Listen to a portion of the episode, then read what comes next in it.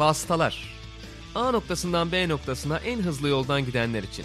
Malisel Işık, Barkın Kızıl ve konukları motor sporları gündemini değerlendiriyor.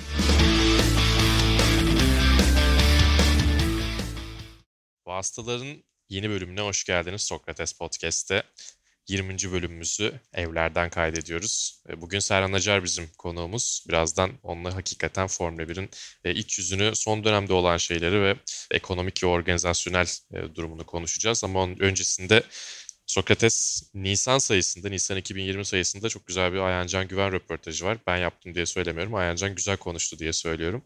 Sadece abonelere eğer isterlerse dergi basılı olarak gelecek. Bu ay bayilerde yok. İsteyenler de dijital olarak aboneler yine kullanabilecekler. Dijital olarak okuyabilecekler. Böyle bir opsiyonumuz var. Durumlar bu şekilde. Sokrates dergide Nisan 2020 sayısında. Serhan Acar, hoş geldin bir kez daha. Hoş bulduk. Çok uzun mesafe kaydetmiş size gelmek için. 6 adım yürüdüm ve bilgisayarın başındayım. Artık mesafeleri azaltıyoruz. Daha e, şeyiz. Yani mesafeler artıyor ama e, şey azalıyor en azından. Gidişat mikrofona gidiş mesafesi azalıyor. Evet bizim ee, sizin vasıtalar da artık tabanvay oldu ayakla beraber yürüyoruz. Yarışan evet, araç kalmadığına göre. Evet araç kalmadı gerçekten yarışacak. Ya var tabii ki ama dijital vasıtalar olduk. Ee, izlediğimiz, takip ettiğimiz vasıtalar açısından. Barkıncım topu evet. sana atayım sen girişi yap ya yapma. Yapalım o zaman yavaş yavaş. Tabii bu süreç her spor dalını bütün dünyayı etkilediği gibi Formula 1'de yakından etkiledi. Biz de en yetkili ağızdan Türkiye'de bu gidişatı biraz dinlemek istiyoruz. Serhan abi ne düşünüyorsun? Bu kısa ve uzun vadeli nasıl etkiler yaratır sence bu durum? Şimdi Formula 1 tabii otomobil sporlarında neredeyse en büyük paranın döndüğü dünya şampiyonası. Ondan dolayı da bütün bir akışın yarışlarla beraber sağlanması gerekiyor. Yani çok ortalama 2 milyar dolar yıllık bir para dönüyor yaklaşık olarak. 20 yarışa bölerseniz ortalama bir yarışın yarattığı gelir bütünü 100 milyon dolar civarında. Yarışlar olmadığı zaman aslında ekonomik olarak sistemin tamamının durması söz konusu. Çünkü Formula 1'in gelirlerinin en büyük kısmı organizatör ülkelerden geliyor. Çok ortalama işte 30 milyon dolar civarında bir para ödüyor her ülke. Onun dışında televizyon yayın gelirleri var. Yine ikinci büyük kalem. Üçüncüsü Padok kulübündeki 3-4 bin euroya satılan biletlerden gelen gelirler ve sponsor gelirleri. Şimdi yarışları yapmadığınız zaman diğer sporlarda olduğu gibi bütün bu gelirler durmuş oluyor. Tabii bu gelirler sadece Amerikan Liberty Media'nın yani Formula 1'in ticari sahibinin hayatta kalması sağlamıyor. Zaten yine çok ortalama konuşayım. Gelen gelirin toplamda yarısı takımlara dağıtılıyor. Dolayısıyla takımların da yürümesi, ayakta kalması, faaliyetin devam ettirmesi için özetle çarkın dönmesi ve yarışların yapılması lazım. Şu anda 70 hani yıllık Formula 1 tarihindeki en büyük duraksamadayız aslında. En bilinmeyen dönemdeyiz. Tabii dinleyicilerimiz hani şunu düşünüyor olabilir. Ya zaten dünya durdu Formula 1 dursa ne olacak motor sporları. Ama buna bir yandan bizim hani evde eğlenerek seyrettiğimiz spor, heyecan ve aksiyon dışında bir de iş kolu olarak da bakmak lazım. Aynı ekonomideki diğer e, dallarda olduğu gibi burada ekonomik çarkın durması söz konusu. Şu anda takımlar bu dönemi kendilerine göre makul önlemler alarak atlatmaya çalışıyorlar. Detaylarına herhalde birazdan gireriz ama özetle gelecek sene yepyeni bir çağ başlayacaktı 2021'de. O çağın başlangıcı bir yıl ötelenmiş oldu. Önümüzde eğer yani yaza doğru, Temmuz'a doğru hayat normale dönerse yani 15 ile 17-18 arası yarışın yapılabileceği ve ocağa kadar sarkabilecek bir konsantre 2020 sezonundan hala bahsediliyor. İşler iyi giderse hayat normale dönerse. Bu arada bu bekleyiş dönemindeki aşağı yukarı 3-3,5 aydan bahsediyoruz. Normalde Ağustos'a denk gelen 4 haftalık yaz arasını yani fabrikaların kapandığı ve çalışmadığı dönemi takımlar bu haftalara çektiler. Yeni önlem olarak motor tesislerinin de motor üreten departmanların da kapanması söz konusu.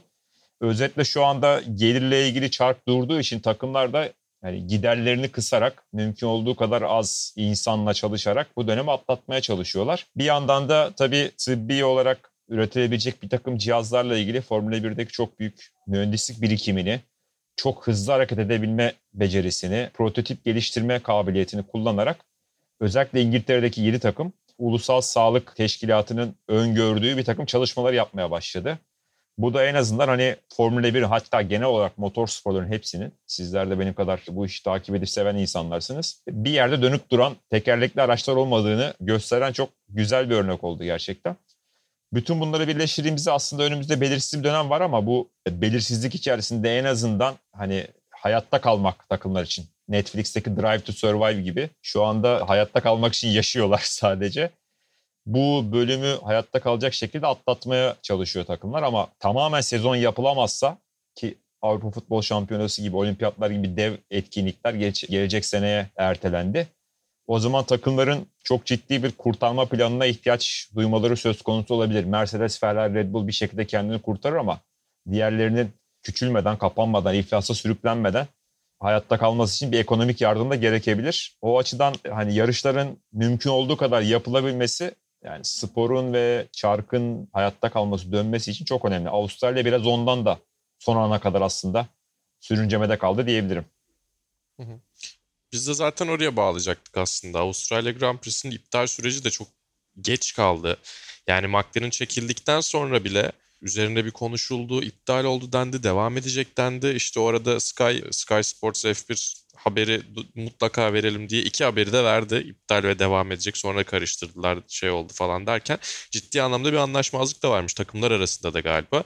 Neredeyse 2005 Amerika Birleşik Devletleri Grand Prix'sine doğru da gidiyorduk galiba eğer iptal edilmemiş, e, edilmemiş olsaydı.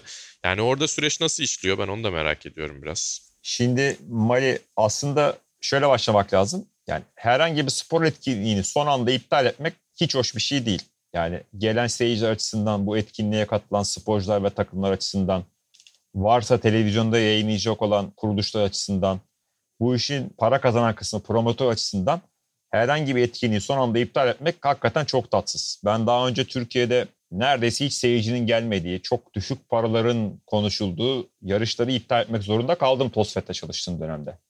Fakat öyle tatsız bir durum ki bu. Çünkü neticede hani yarışın yapıldığı mekana kadar gelen, oraya kadar ki bütün parayı harcayan ve doğal olarak yarışmak isteyen sporcular var. Bir yandan eğer bilet sattıysanız ki geçen sene Avustralya'da 300 binden fazla toplamda seyirci vardı 4 günde. Yani her gün neredeyse 90 bin kişiyi topladı Avustralya. O kadar bilet alıp belki de 8, 9, 10 ay para biriktirip bilet almış seyirciler var kapıya kadar gelmiş olan. E bizim gibi 3,5-4 aydır bekleyen Formula 1 tutkunları var. Hani hafta ve gün sayıyoruz artık gelsin ve başlasın diye. Takımlar demin söylediğin gibi çok ortalama 2 milyar doları 20, 20 yarışa böyle 100 milyon dolara yakın toplamda bir bütçe harcanmış vaziyette. Yani yarışın sadece ederine bakarsak. Bütün bunların ardından işte böylesine büyük bir paketi iptal etmek hakikaten çok zor bir karar. Bir yandan Avustralya'da tabii şöyle bir şey oldu. Şimdi aslında bir bacak takımlar yani yarışanlar, pilotlar ve takımlar. Bir bacak e, organizatör yani pist yönetimi yerel olarak yarışı yapan grup. Bir bacak Uluslararası Otomobil Federasyonu FIA, bir tanesi de ticari hakların sahibi Formula 1 yönetimi FOM yani Liberty Media. Bunların dördünün de birbiriyle ciddi bir çıkar ilişkisi var. Ya parasal olarak bağları var. Hukuki büyük sözleşmelerle birbirine bağları var. Ve her kim önce düdüğü çalıp ben oynamıyorum derse kalan 3 bacağın sorumluluğunu üzerine alarak belki tazminatlarını üzerine alarak çok zor durumda kalması söz konusuydu.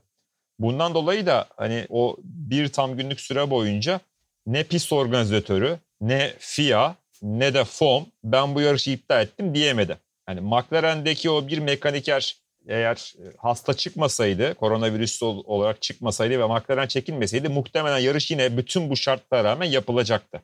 Ama bir bakıma sizin de söylediğiniz gibi tetiği McLaren çekmiş oldu. O noktadan sonra da hani yarışın yapılmama kararını biz kime bağlayacağız? Bu sorumluluk kimin üzerinde kalacak? Kimin yüzünden yarış yapılmamış olacak? Satrancı başlamış oldu. Yani Avustralya'da sabaha kadar sürdü bu satranç. Hatta sabah 3-4 tane takım yani normal hazırlıklara başladı. Motor ısıtıp pit antrenmanı falan yapanlar oldu. Ama takımlar arası satrançta yani 5'e 5 kaldıklarını öğrendik gece saatlerinde. Sonrasında Mercedes'in de Renault ve Ferrari cephesine katılması ki Zaten McLaren yarışmıyordu. E, Ferrari dediğin zaman Alfa Romeo da var işin içerisinde. 6 takımın biz yarışmıyoruz demesiyle beraber yarış son anda iptal edilmiş oldu. Bu arada tabii organizatör de aslında Avustralya'daki yerel hükümetin kendilerine talimat vermesini bekledi açıkçası. Çünkü öbür türlü 55 milyon dolarlık bir paradan bahsediyoruz. Organizatörün Avustralya pistinin ve yerel otoritelerin FOM'a verdiği bir para. Burada dediğim gibi kim çekilirse öbür tarafa o parayı ödemek zorunda kaldığı bir saçma bir durum vardı. Ondan dolayı da iş çok uzadı. Yani aslında yarışın yapılmayacağı belli oldu ama söylediğin gibi neden, kime dayanarak, kimin sorumluluğunda yapılmayacak kısmı çok uzun sürdü. Sonunda en az kabahati yaratacak ta- olan taraf takımlardı. Onlar biz çoğunluk olarak yarışmıyoruz deyince de yarış yapılamamış oldu. Ama dediğin gibi gerçekten çok zor kararlar. Belki süreç saçma geldi, uzun geldi hepimize ya böyle iş mi olur falan dedik ama yani bol 100 milyon doların döndüğü bir işi böyle iptal etmek, ertelemek, yok etmek o kadar kolay değil. Çünkü son şöyle noktalayayım. Bir de biliyorsunuz Avustralya sonuçta bir parkın piste çevrildiği bir organizasyon. Yani hazır bir piste gidip yerleşmek yerine neredeyse 3 ay o pistin kurulması sürüyor. Yani Avustralya bütün parayı ödedi aslında. Bütün masraf yaptı. Pisti kurdu, tribünleri kurdu. Ondan sonra bütün lojistiği çekti. Son anda iptal olunca onlar için de çok büyük bir zarar oldu. Ama neticede tabii insan sağlığı hani onun da ötesine geçecek bir durum yok. Olmaması da lazım.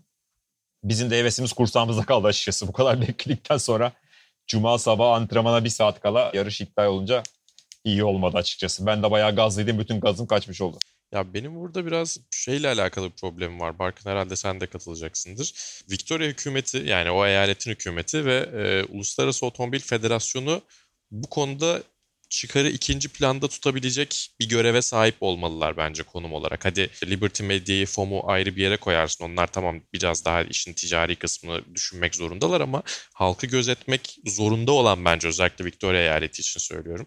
Yönetimin aynı zamanda federasyonun da çıkarı işin daha faydalı, fayda beklediği gördüğü kısma koyması beni biraz rahatsız etti. Bence Avustralya'ya gidilmemeliydi bile en büyük sıkıntılardan bir tanesi de o herhalde. Kendi insanlarını da bu arada tehlikeye attılar. Tabii Çünkü ki, evet. pistin kapısına kadar giden bir sürü insan oldu. Hatta ondan sonra seyircisiz başlayacağını duyurdular. Sonra da zaten tamamen iptal oldu ama zaten o kalabalık toplandıktan sonra sağlık açısından ciddi bir problem oluşmuştu bile yani.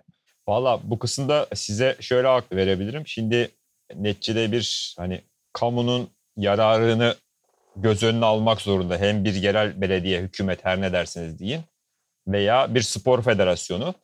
Ama dediğim gibi hiçbirisi için olay tek boyutlu olarak bakılabilecek bir olay değildi. Bir yandan hani şu da var. Avustralya göz göre göre gidildi gerçekten de. Bütün bunlara rağmen dünyadaki durum aynen kalsaydı biz muhtemelen McLaren mekanik yerinde virüs çıkmasaydı ki Haas'ta ölçüm yapılanlarda bir şey çıkmadı. Tek bir mekanikerle McLaren çekilerek aslında tetiği çekmiş oldu. McLaren'deki insanlar e, yani kimsede bir sorun çıkmasa muhtemelen Avustralya yarışı yapıldıktan sonra belki sezon askıya alınacaktı. Oraya kadar gidilmişken dediğin gibi hani iş ne olursa olsun bir etkinliği son anda iptal etmek zor karar ve yarışı yapmaya çalıştı herkes bir yere kadar. Yapılamayacağı anlaşılınca da bu sefer ben iptal etmeyeyim sen iptal et kısmına geldi. Hı hı. Şöyle noktalayayım bence Burnley kısmı olsa o yarış gene kesin ve kesin yapılırdı. Yani ne olursa olsun McLaren çekildi bana ne deyip demir yumruğunu vururdu masaya. 9 takımla yarıştırırdı herkesi. Mümkün. Gerçekten olabilirdi. Ya da baştan herhangi bir şekilde iptali söz konusu olurdu ama bu muallak daha az olabilirdi gerçekten. İnsanlara Bernie'ye kıstını mumla aratan bir süreç gerçekten. Hani Avustralya'ya- kimseyi net olarak suçlamak değil ama. Mali şöyle derdi 55 milyon dolar veriyorsunuz tamam 105 verin iptal ettik yarışı derdi ve 50 de cebe koyardı. Çok büyük ihtimalle o faturayı başkası da çıkardı. Abi yarış takımlara da yarısını verirdi herkes mutlu işte tamam daha ne istiyorsun? Avustralya Grand Prix'sini noktalıyorsak hemen aslında şeye geçelim istiyorum. Bu fabrikaların kapalı kalması ve solunum cihazlarıyla ilgili az önce de biraz bahsettik ama dün biz de Mali ile konuşurken aslında şöyle bir konu geçti aramızda. Araç geliştirmelerle ilgili durum nasıl olacak? Çünkü Mali dedi ki bana bu andaki yani şu andaki durumun korunması ve geliştirmelere izin verilmemesi gibi bir durum olabilir. Ama ben de ona şeyi sordum. Örneğin McLaren önümüzdeki yıl Mercedes motoruna geçecek. O zaman onlar araca herhangi bir işte müdahalede bulunamayacaklarsa bu iş nasıl olacak? Ne düşünüyorsun Serhan abi? Enteresan bir konu bence. Aynen öyle. Şimdi yine hani keşfedilmemiş topraklarda yürüyor şu anda takımlar. Çünkü hani bir Formula 1 takımına sen dur, gelişme demek hani eşyanın tabiatına aykırı. Yani dünyanın dönüşüne aykırı bir şey.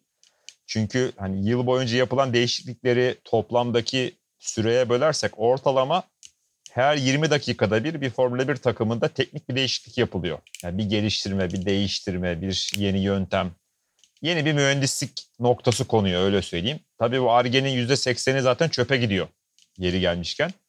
Ama hani bu kadar çabuk saatler içerisinde bir şeyleri değiştirip geliştirebilen organizasyonlara siz bir şey yapmayın ve hani oturun beraber solitaire oynayın, takılın bilgisayara demek çok zor gerçekten de. Şöyle bir olasılıktan bahsediyor. McLaren'in durumuna çok e, iyi dikkat çektin. Onların gelecek seneki otomobil üzerinde yani motorun kurulumu ile ilgili ve adaptasyon ile ilgili bir çalışma yapmasına izin verileceğini ben okudum. Fakat bu bahsettiklerimiz aslında hani senin söylediklerin de benim anlatacaklarımda resmi açıklamayla ortaya konmuş kararlar değil. Hani daha çok işte otomotor sporttan, motor sporttan al, alınan duyumlar, saygın kuruluşlardan gelen haberler öyle söyleyeyim ama normalde 2021 yani gelecek seneki o yeni çağın otomobillerinin 2022'ye taşındığını resmi olarak biliyoruz. Bununla ilgili de ge- gelecek seneki Şubat ayına kadar hiçbir geliştirme çalışması yapılamayacak. Normalde şöyle bir durum oldu. Muhtemelen son belki 10 yılın takımlar açısından en pahalı yılı bu yıl olacaktı. Çünkü 2020 otomobillerini yarıştılar ve geliştirdiler sene boyunca ya da en azından senenin 3'te 2'sine kadar. Bir yandan da yepyeni çağdaki yepyeni otomobillere çalışıyor olacaklardı. Ee, Aynı anda iki sezon birden yarışıyor olacaklar. Aynen öyle. Değil mi? Aynen öyle. Şu anda bu çift kat yük en azından teke inmiş vaziyette. Ve hatta söylediğiniz gibi bu yılki otomobilleri biz şasi olarak tamamen donduralım. Yani neredeyse hiç bir geliştirme yapmadan gelecek seneyi de çıkartalım. Çünkü takımların az önce söylediğim gibi operasyon giderleri arge giderlerinden daha düşük. Ciddi oranda daha düşük. Yani aslında paraların büyük çoğunluğu otomobili geliştirip hızlanmaya harcanıyor. Onun için otomobilleri sene başında dondurup sene boyunca yürütürseniz muhtemelen yani eldeki bütçelerin yarısı civarında bir yılı bitirmek mümkün olabilir. Bundan dolayı da bu önlemleri bir şekilde takımlar ve FIA bir araya gelerek FOM'un da desteğiyle almak zorundalar. Zaten şöyle bir prosedüre çıktı. Hani artık her takımın evet demesine gerek yok bazı konularda. %60 çoğunlukla bir takım kurallar geçebilecek bu geçici dönemde. Bir yandan takvimi yapmakla ilgili biliyorsunuz her sene Aralık'ta takvim netleşiyor. Ondan sonra bir değişiklik için takımların hepsinin onayı gerekiyordu. Onu da geçici olarak kaldırdılar. Şu andan sonra FIA ve FOM 2020 eğer yapılabiliyorsa kalan 6-7 aylık sürede nerede ne zaman nasıl bir yarış yapacağına doğrudan karar verebilecekler. Bir takım böyle hızlandırıcı önlemler aldılar ama dediğin gibi bir şekilde bu süreçte hani yüzde yüze saklanmış değil şu anda 2020 otomobillerle ilgili çalışma yapmak ki hani en azından kış testleri kötü geçen takımlar için bu bir toparlanma dönemi olabilir. Sadece şu yayının başında bahsettim 4 haftalık yaz arasındaki fabrikanın kapandığı dönem bu Nisan-Mayıs aylarına kaydırıldı. 3 haftalık herkesin duracağı bir dönem olacak. Burada takımlar seçimlerini kendileri yapıyorlar şu anda. Eskiden sabit bir tarih vardı. Macaristan'dan sonra fabrikalar kapanıyordu. Belçika'ya 10 gün kalana kadar. Bu Nisan-Mayıs döneminde her takım kendi ne yapacağına karar verecek. Ne zaman şalterleri kapatacaklarına.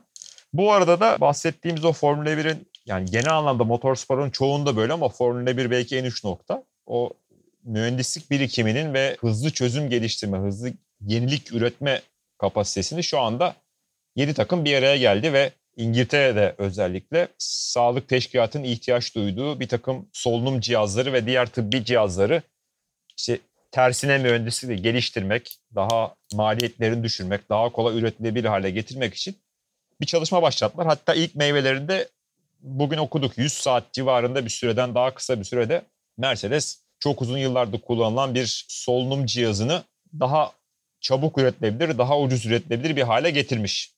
Ve hatta onayını da almışlar Sağlık Bakanlığı'ndan İngiltere'de. Hani bir anda belki başka bir sektörde 6 ay sürecek bir şeyi bir hafta içerisinde yapma kapasitesine sahip bu takımlar. O birikimi de kullanmaları hem bir yandan iş gücü olarak da bir şekilde belli bir gelir elde ederler. Hani boşta kalmamış olur insanlar. Bir yandan da gerçekten hani şu anda otomobil yarışlarının insan hayatına sağlayabileceği en büyük faydayı yakalamış oluyorlar bence. Aslında şey yeri gelmişken takımların isimlerini de sayalım. Hani hep olumsuz şeylerde işte o isimler falan deniyor ya olumlu şeyler de bahsedelim. Mercedes Brackley'de, Racing Point Silverstone'da, Williams Grove'da, McLaren Walking'de, Renault Anston'da ne kaldı? 6. Red Bull Milton Keynes'de. Red Bull Milton Keynes'de Haas'ta. Brembo'da. Haas'ta Brembo'da.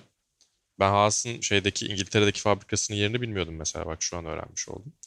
Ya Ben- onların hepsi birbirine yakınlar bir de zaten değil mi? Böyle Çok- 50 kilometrelik falan bir şey içerisinde. Tabii, tabii. belki. Yani her biri e, birbirine- içerisinde, çember içerisinde. Aynı öyle. Her biri birbirine ortalama bir, bir buçuk saatlik en fazla otomobil sürüşü mesafesinde. İngiltere tabii Türkiye'deki gibi gazlayamıyorsun. Her yerde radar var. El- 50 mille gittiğini varsayıyorum.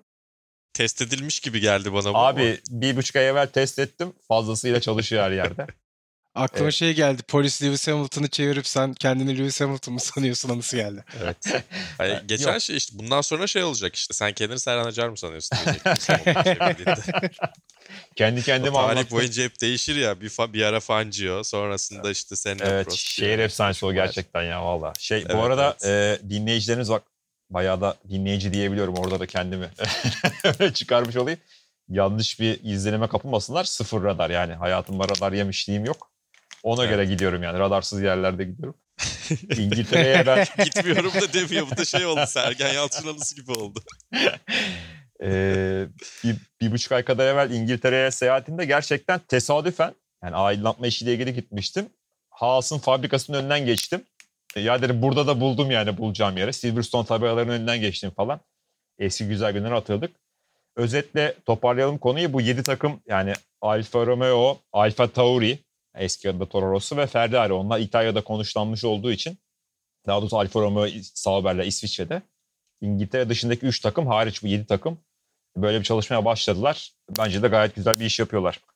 Yani bir de bir taraftan hep ufak ufak faydalarını görüyorduk mutlaka. İşte Williams'ın yine hastane teknolojilerine, işte müdahale hızlarına e, faydası şusu busu falan belki uzun zaman içerisinde ara ara duyduğumuz şeylerdi ama şu kritik dönemde bence e, hem sporun imajı açısından da güzel e, hem de gerçekten e, otomotiv endüstrisinin ara ara biraz daha baktığımızda aslında faydalı insanlığa faydalı şeyler yapabildiğini de göstermek açısından. Eğer doğru yönlendirilirse benim çok eleştirdiğim şeylerden bir tanesi aslında otomotiv sektörüyle alakalı ama demek ki doğru yönlendirilince oluyormuş. Vasıtalar diye program yapan adamdan da böyle cümleler duyabiliyorsunuz tabii ki ona da yapacak bir şey yok.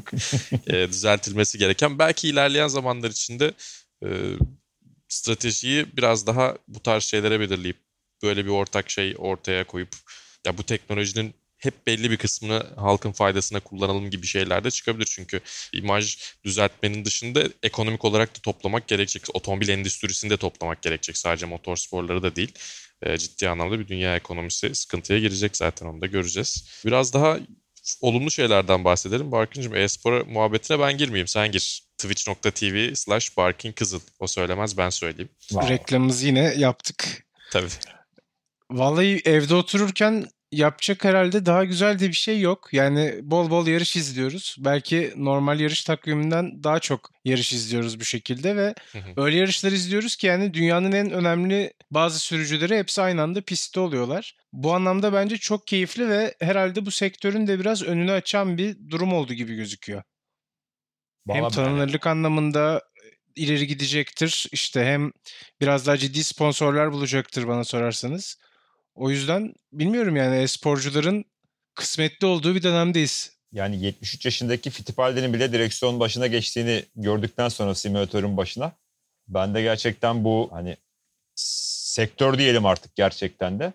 Evet. Ee, yani çok yeni jenerasyon dünya çapında sürücüler dışındaki Norris ve Verstappen herhalde az sayıdaki örnekti. Bu işin hani gerçek yıldızlarının simülatör başına geçip yarıştığını pek fazla duymuyorduk. Ama şu anda biraz işte can sıkıntısından söylediğin gibi biraz gerçekten ilgi yaratmak adına bambaşka bir atmosfer oldu. Bu sefer herkes yani direksiyon başına geçmeye başladı evde oturduğu yerden. Hatta Norris bununla ilgili galiba bir yardım kampanyasında 10 bin dolar üzerinde para toplayınca şimdi saçlarını tıraş etmek zorunda kalacak. Gerçekten de hani farklı bir kulvara doğru çok çabuk bir ilerleme oldu birkaç hafta içerisinde. Belki hani bu dediğin gibi insanların özellikle gerçek yarışçılarla belki yarışılan ortam açısından baktığımızda daha da fazla ilgilenmesini sağlayacak. Taraftan tabii işte bambaşka bir mecranın daha erken bir şekilde hızlanmasını da sağladı. Yani mutlaka işte streaming zaten bir alternatif olarak hem dizi, film e, mecrasında hem canlı yayınlar açısından gelecek olarak görülüyor.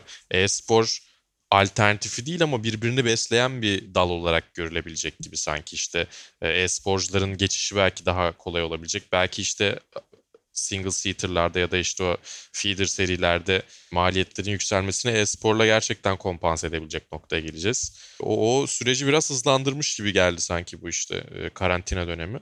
O açıdan da güzel. Bir de keyifli bir taraftan işte Cem 17. başlıyor yarış kazanıyor. Ayhancan orada zaten takım arkadaşlarıyla Lando ile Max Verstappen'le muhabbet ediyor. Çıkıyorlar yarışıyorlar falan. Bizim açımızdan da güzel şeyler var. Barkın yine topu sana atıyorum. Güzel böyle bir şey yaparız. E, Türk sporcular demişken e, son dönemde güzel de bir anket vardı. Evet ona geçmeden hemen önce şeyi de ekleyeyim. Ayhancan zaten sürekli simülatörde olduğunu söylüyordu. Cem zaten e-sporcu. Dolayısıyla bence onlar için de güzel bir dönem oluyordur diye düşünüyorum. Her ne kadar biraz işte hani piste çıkamıyor olsalar da ayak kırıklığı olsa da en azından bir nasıl diyeyim teselli olacaktır. Ve ankete geçelim dilerseniz. Tosfet bir anket yaptı ve Türkiye e, motor sporlarına olan ilgide en yüksek artış olan 7. ülke demiştin değil mi Serhan abi? Evet aslında bu anketi FIA yaptı. Uluslararası Otomobil Federasyonu yaptı. Yapmış daha doğrusu. 150'ye yakın ülkede 2014-19 son 5 yıl içerisinde otomobil sporuna olan ilgiyle ilgili ve bu ilginin artışıyla ilgili bir anket yapmışlar. Ben anketin sonuçlarını FIA'da bulamadım. Muhtemelen önce sadece federasyonlarla paylaşılmış olabilir. Ama hani TOSFET bunu şöyle duyurdu ki gerçekten grafiklerde de var. Dünyada son 5 yılda otomobil sporuna olan ilginin en çok arttığı ilk 7 ülke arasına girmiş Türkiye. Bu tabii gerçekten çok harika bir gelişme hepimiz için. Çünkü bir yandan düşünürseniz hani çok uzun yıllardır ya işte otomobil sporlarına artık hani eski dönemler gibi değil kimse ilgilenmiyor falan filan gibi hep böyle şeyler duyuyoruz okuyoruz biliyorsunuz sağdan soldan böyle yorumlar da yapılıyor. Ama bir yandan bu hani kendi kendimize vardığımız bir sonuç değil. Dünyada bu işi yöneten organın yani Uluslararası Federasyon'un bu konuyla ilgili yaptığı bir araştırmanın sonucu ki şöyle en azından 7 ülkeyi söyleyebilirim. E, otomobil ve motor sporlarına olan ilginin en çok arttığı ülkeler arasında Arjantin var, Belçika var, Çin var, e, Meksika var, Türkiye var, Birleşik Arap Emirlikleri ve Hindistan var. Bunlar genel olarak motor sporuna olan ilginin arttığı yerler. Motosikleti, motosiklet yarışlarına olan ilginin en çok arttığı yerlerde sadece Hindistan yerine Kanada var. Ee, ilk Orada da biz varız bu arada. Orada da biz varız. Kalan 6 ülke yine aynı. Bayraklardan bakarak çıkarıyorum bu arada. Bir yerde de yazmıyor bu ama. E, Formula 1'e olan ilginin en çok arttığı ülkeler arasında da yine ilk 6'da Türkiye var. E, Birleşik Arap Emirlikleri, Meksika, Arjantin, Belçika ve Çin'le beraber. Yani bütün bunları birleştirdiğimiz zaman hani 150 civarı ülkeden en çok ilgi artan 7 ülke arasına girmek gerçekten çok sevindirici bir gelişme. Hep beraber e, bu işi seven insanlar olarak işte bizim gibi bir şekilde yarışlarla ilgili emek harcayan insanlar, internetteki bir sürü sosyal medya hesabını yöneten arkadaşlarımız, web sitelerini yöneten arkadaşlar, televizyon kanalı, Sokrates ekibi ve bütün bunların birleşimiyle beraber e elektronik dergiler, hani kimseyi unutmuş olmak istemiyorum ama çok paydaş var. Otomobil sporları aslında hep gönül işi. Bu işten böyle özellikle Türkiye'de hani zengin olan falan kimse yok. Bazen insanlar öyle şeyler de soruyor çünkü. Ama o en azından gönülden gelen bir isteğin ve tutkunun ortak bir başarıya dönüşmesi gerçekten keyif verici. Federasyonun yine özellikle Serkan Yazıcı başkanlığında son dönemde Dünya Rally Şampiyonası'nı Türkiye'ye kazandırması. Şimdi çok genç bir başkan var Eren Üçler Toprağı. O da eski bir yarışçı. Onunla beraber yine bu yakalanan tanıtım ivmesinin devam etmesi. Ve tabii ki şu anda bizi dinleyen çok sayıda dinleyicimiz televizyon başında Esport'ta bizi izleyenler, Sokrates'teki programlarımızı seyredenler. Bütün bunların hepsinin yarattığı bir fayda bu. Bir yandan da çok güzel bir şey gerçekten de. Yani 150 civarı ülkeden ilk ona girmek hakikaten boş kürek çekmediğimizi gösteriyor hep beraber. Ben çok mutlu oldum açıkçası. Hiç de beklediğim de bir haber değildi.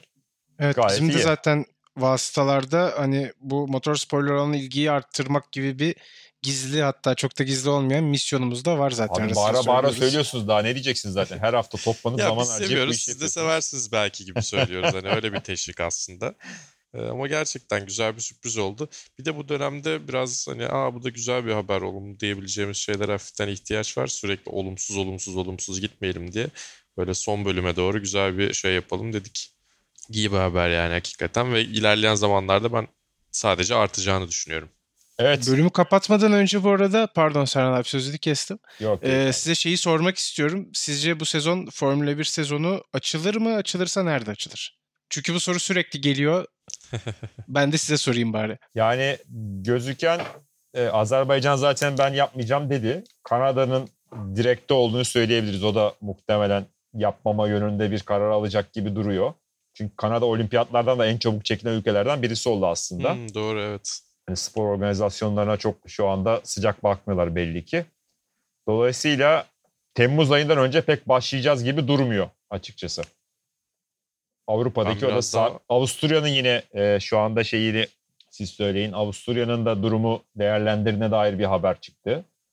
Bu bugün hani yapıp yapmama ile ilgili ki normalde Avusturya hani kapalı gişe oynayan yerlerden bir tanesi.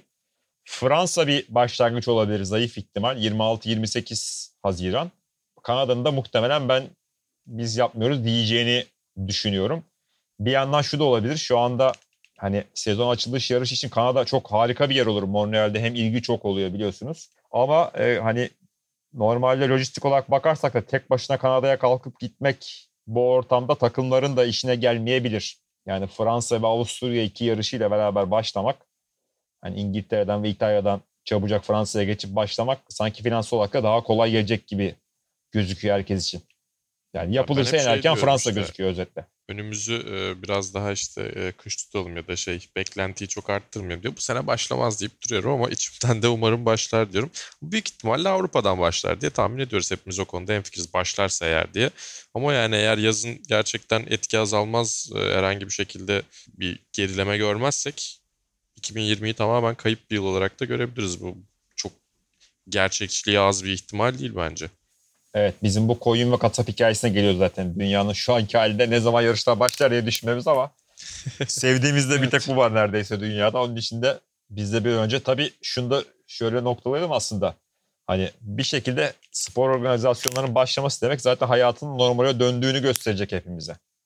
Onun için Doğru. de hani sadece böyle bencilce bir tutkuyla ya yarışlar olsun ne olursa olsun değil de zaten biz bir şekilde başlayan şampiyonları MotoGP, Dünya Şampiyonası, Formula 1'i konuşuyorsak en azından bu koronavirüsün dünya üstesinden gelmiş olacak gibi duruyor.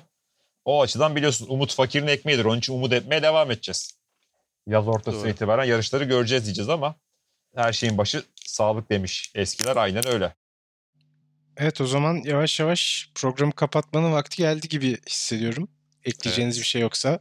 Ee, bu bölümde konuğumuz Serhan Acar'dı. Ben Barkın Kızıl, Malis Erişik'le beraber sizlerle birlikteydik. Vasıtaların bu bölümü de sona erdi. Bir sonraki bölümde tekrar görüşmek üzere. Hoşçakalın. Hoşçakalın. Hoşçakalın. Teşekkürler tekrar.